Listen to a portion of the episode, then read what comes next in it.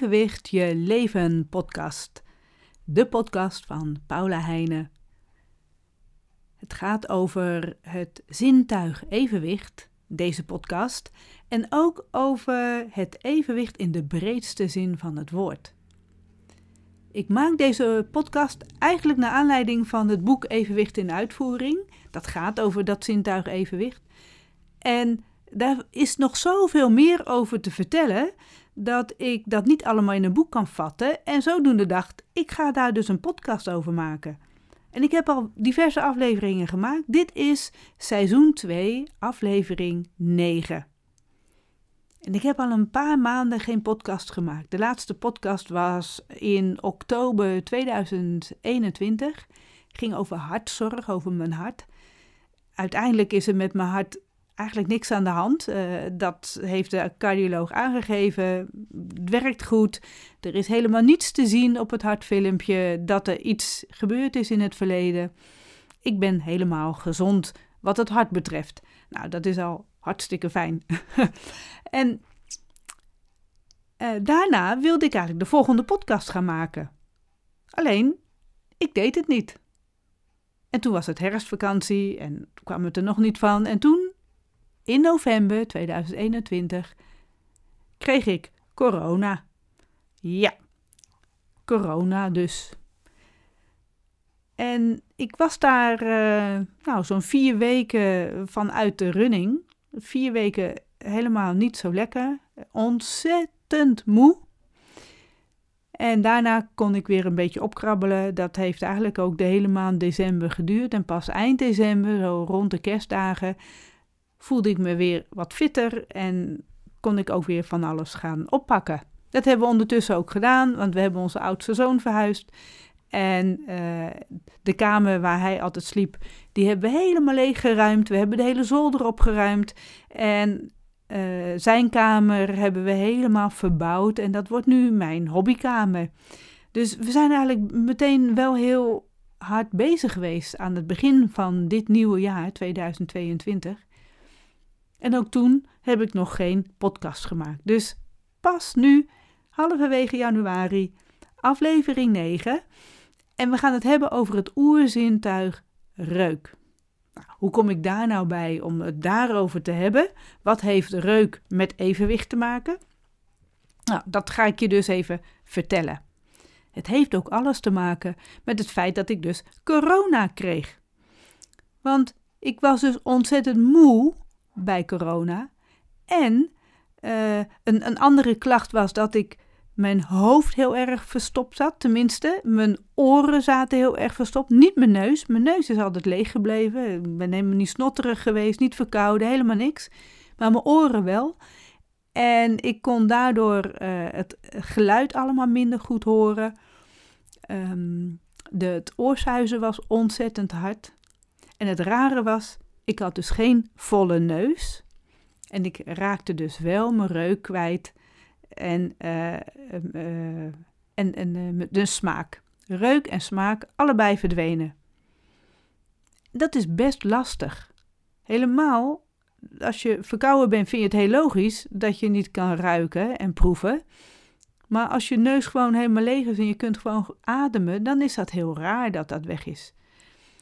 En met dat je al niet zo lekker bent, krijg je, omdat je dus geen reuk en smaak hebt, ook nog eens een keer eigenlijk nergens trek in. En ja, normaal als ik ziek ben, dan heb ik nog wel eens zin in, in, in andere dingetjes, bijzondere dingetjes en zo. Maar ja, omdat helemaal me niks smaakte, hoefde ik eigenlijk ook helemaal niet zoveel. Lastig. En op het moment dat zoiets je overkomt, dan raak je een beetje psychisch uit evenwicht. Ik heb geen last gehad van, uh, van de meniere, geen, geen last gehad van evenwichtsverlies. In het feit dat als ik loop en zo, dat ik daar dan last krijg. Ik heb geen wiebeldagen gehad. Ik voelde me wel dus, ja, gewoon niet, niet helemaal senang, niet helemaal lekker. Uh, uh, nou ja, wat ik zei, heel erg moe. En dat brengt je toch wel psychisch dus uit evenwicht. Dat je niet zo goed kan concentreren, geen zin heb om iets op te pakken, um, geen zin heb om het huishouden te doen, wat wel nodig is.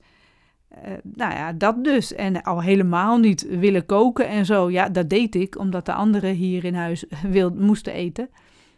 Maar zelf had ik helemaal nergens trek in. Uh, zelfs uh, met de uien, dan kreeg ik wel dat ik dus aan de uien snijden was. En dan gingen mijn ogen helemaal tranen. En dat was heel gek, want ik rook het helemaal niet. Reuk dus. Het oerzintuig reuk. Waarom is dat dan een oerzintuig? Ik heb altijd gezegd dat het allereerste zintuig wat de eerste levensvormen hadden, uh, was het evenwicht. En nou klopt dat niet helemaal. En dat heeft mijn zoon, mijn andere zoon, uh, mijn jongste zoon al, al gezegd. Want heeft ook biologie gestudeerd. Ze hebben allebei biologie gestudeerd. Maar de jongste, die zei al van nee mam, het klopt niet dat dat het alleroudste zintuig is. Wel dus als het gaat om beweging, dan klopt dat wel, dat het evenwicht zo is. Maar reuk is het allereerste zintuig, want dat hadden de levensvormen ook al in, in het water. In het water waren de eerste levensvormen al in staat om, om iets dus te kunnen ruiken. En zodoende ja, kunnen we dat eigenlijk als het eerste, allereerste oerzintuig benoemen. Dan heb ik het boekje er even bij gepakt en dat pak ik er nu ook even bij, om het even precies uit te zoeken. De zeven zintuigen van Iris Sommer. Daar begint zij ook het boekje mee, als je het hebt over zeven zintuigen, met dus reuk als eerste. Het is ook het eenvoudigste zintuig wat we hebben. Het eerste dierlijke wezen dat in de oceaan ontstond, was in zekere zin al tot ruiken in staat. En reuk is ook het meest ja, mysterieuze zintuig, omdat we geuren grotendeels onbewust waarnemen.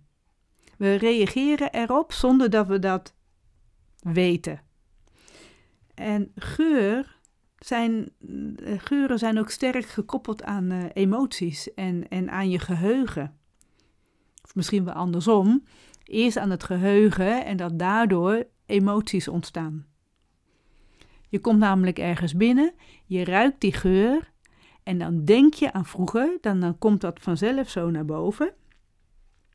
En daar zit dan weer een herinnering aan vast dat dat heel fijn was. Of misschien juist niet heel fijn. En het is geen toeval dat juist geur zo makkelijk emoties en herinneringen uitlokt. En dat komt namelijk door de route van het geurcircuit in de hersenen.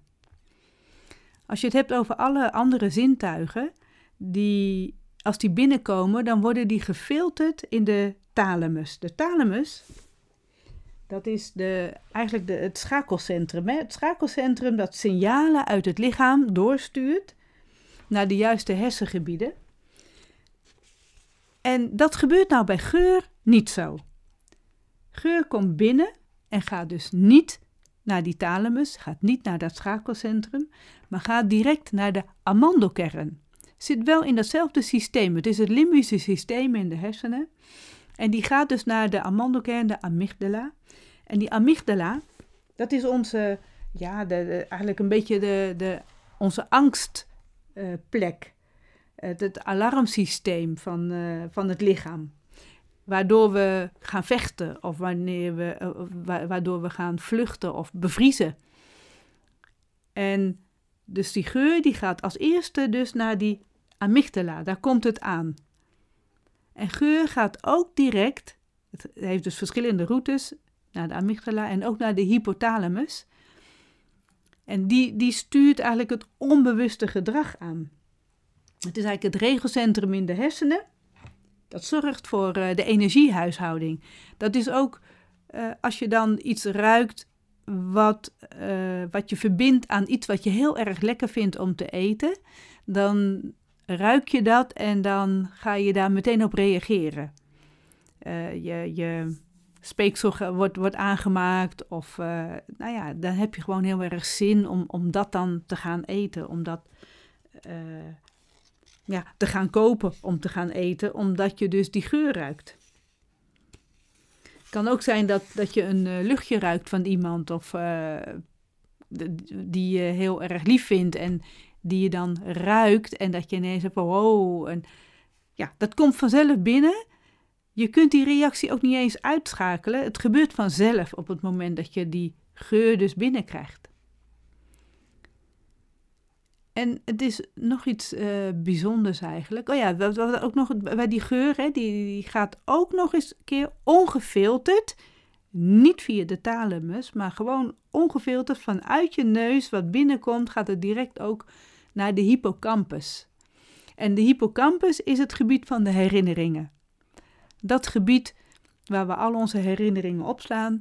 En um, op het moment dat je dan een geur verbindt aan een herinnering, dan komt dat, kan dat zijn dat het dus dan naar de grote hersenschors gaat en dat je dan ineens bewust wordt wat je nou uh, geroken hebt in combinatie met die herinnering. Het wordt eigenlijk direct gemaakt. Soms komt die herinnering naar boven zonder dat je weet dat het door de geur komt die je hebt opgenomen. En wat er nog meer bijzonder aan is, dus reuk eigenlijk, de geuren hebben een, uh, een rechtstreekse verbinding met de amygdala, met dus de hypothalamus en met de hippocampus. Worden dus niet gefilterd, komen rechtstreeks binnen. En wat er nog meer van is, is dat uh, het, is, het op een andere manier ook nog uniek, die, dat, dat circuit, dat hersencircuit van die, uh, van die geur. De geur van het linker neusgat gaat naar de linker hersenhelft en de geur die via de rechter neusgat komt, gaat naar de rechter hersenhelft. En dat lijkt heel erg logisch, maar bij alle andere zintuigen gaat het juist, wordt het gekruist in de hersenen. Dat is wel ook zo bij de evenwichtsorganen. Alles van de rechterkant um, wordt gekruist in de hersenen naar de linkerkant en ook andersom van rechts gaat het naar links. Zo worden ook de ogen aangestuurd van links naar rechts. Dus eigenlijk zit er altijd een kruising. Behalve dus dan bij dus die geur.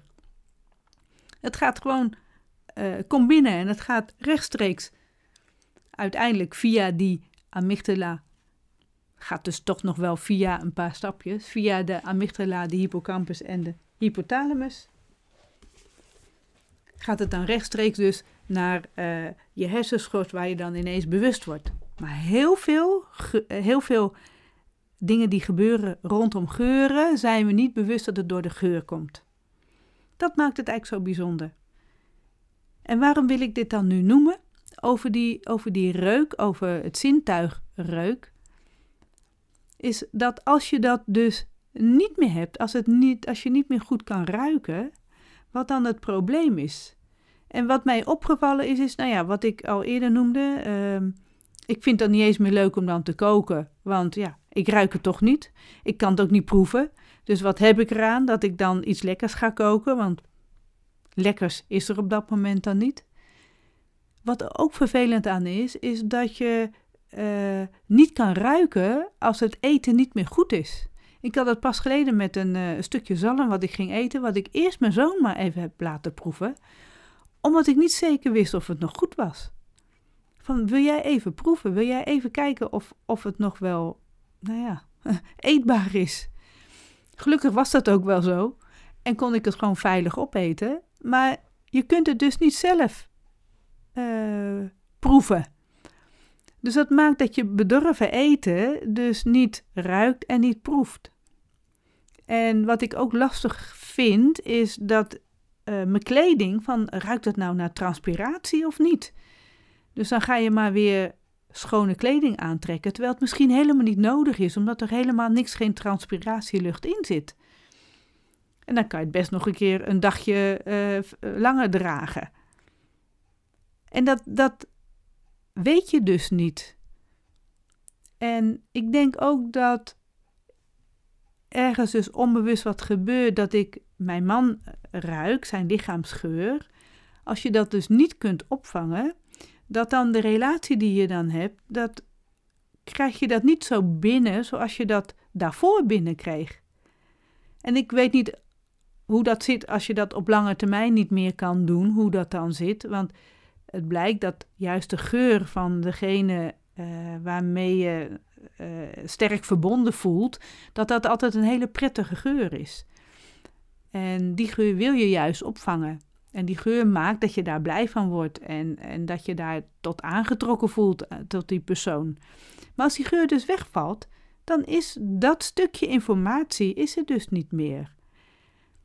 En het blijkt dat dat wel een hele uh, belangrijke input is voor de relatie die je hebt met de ander.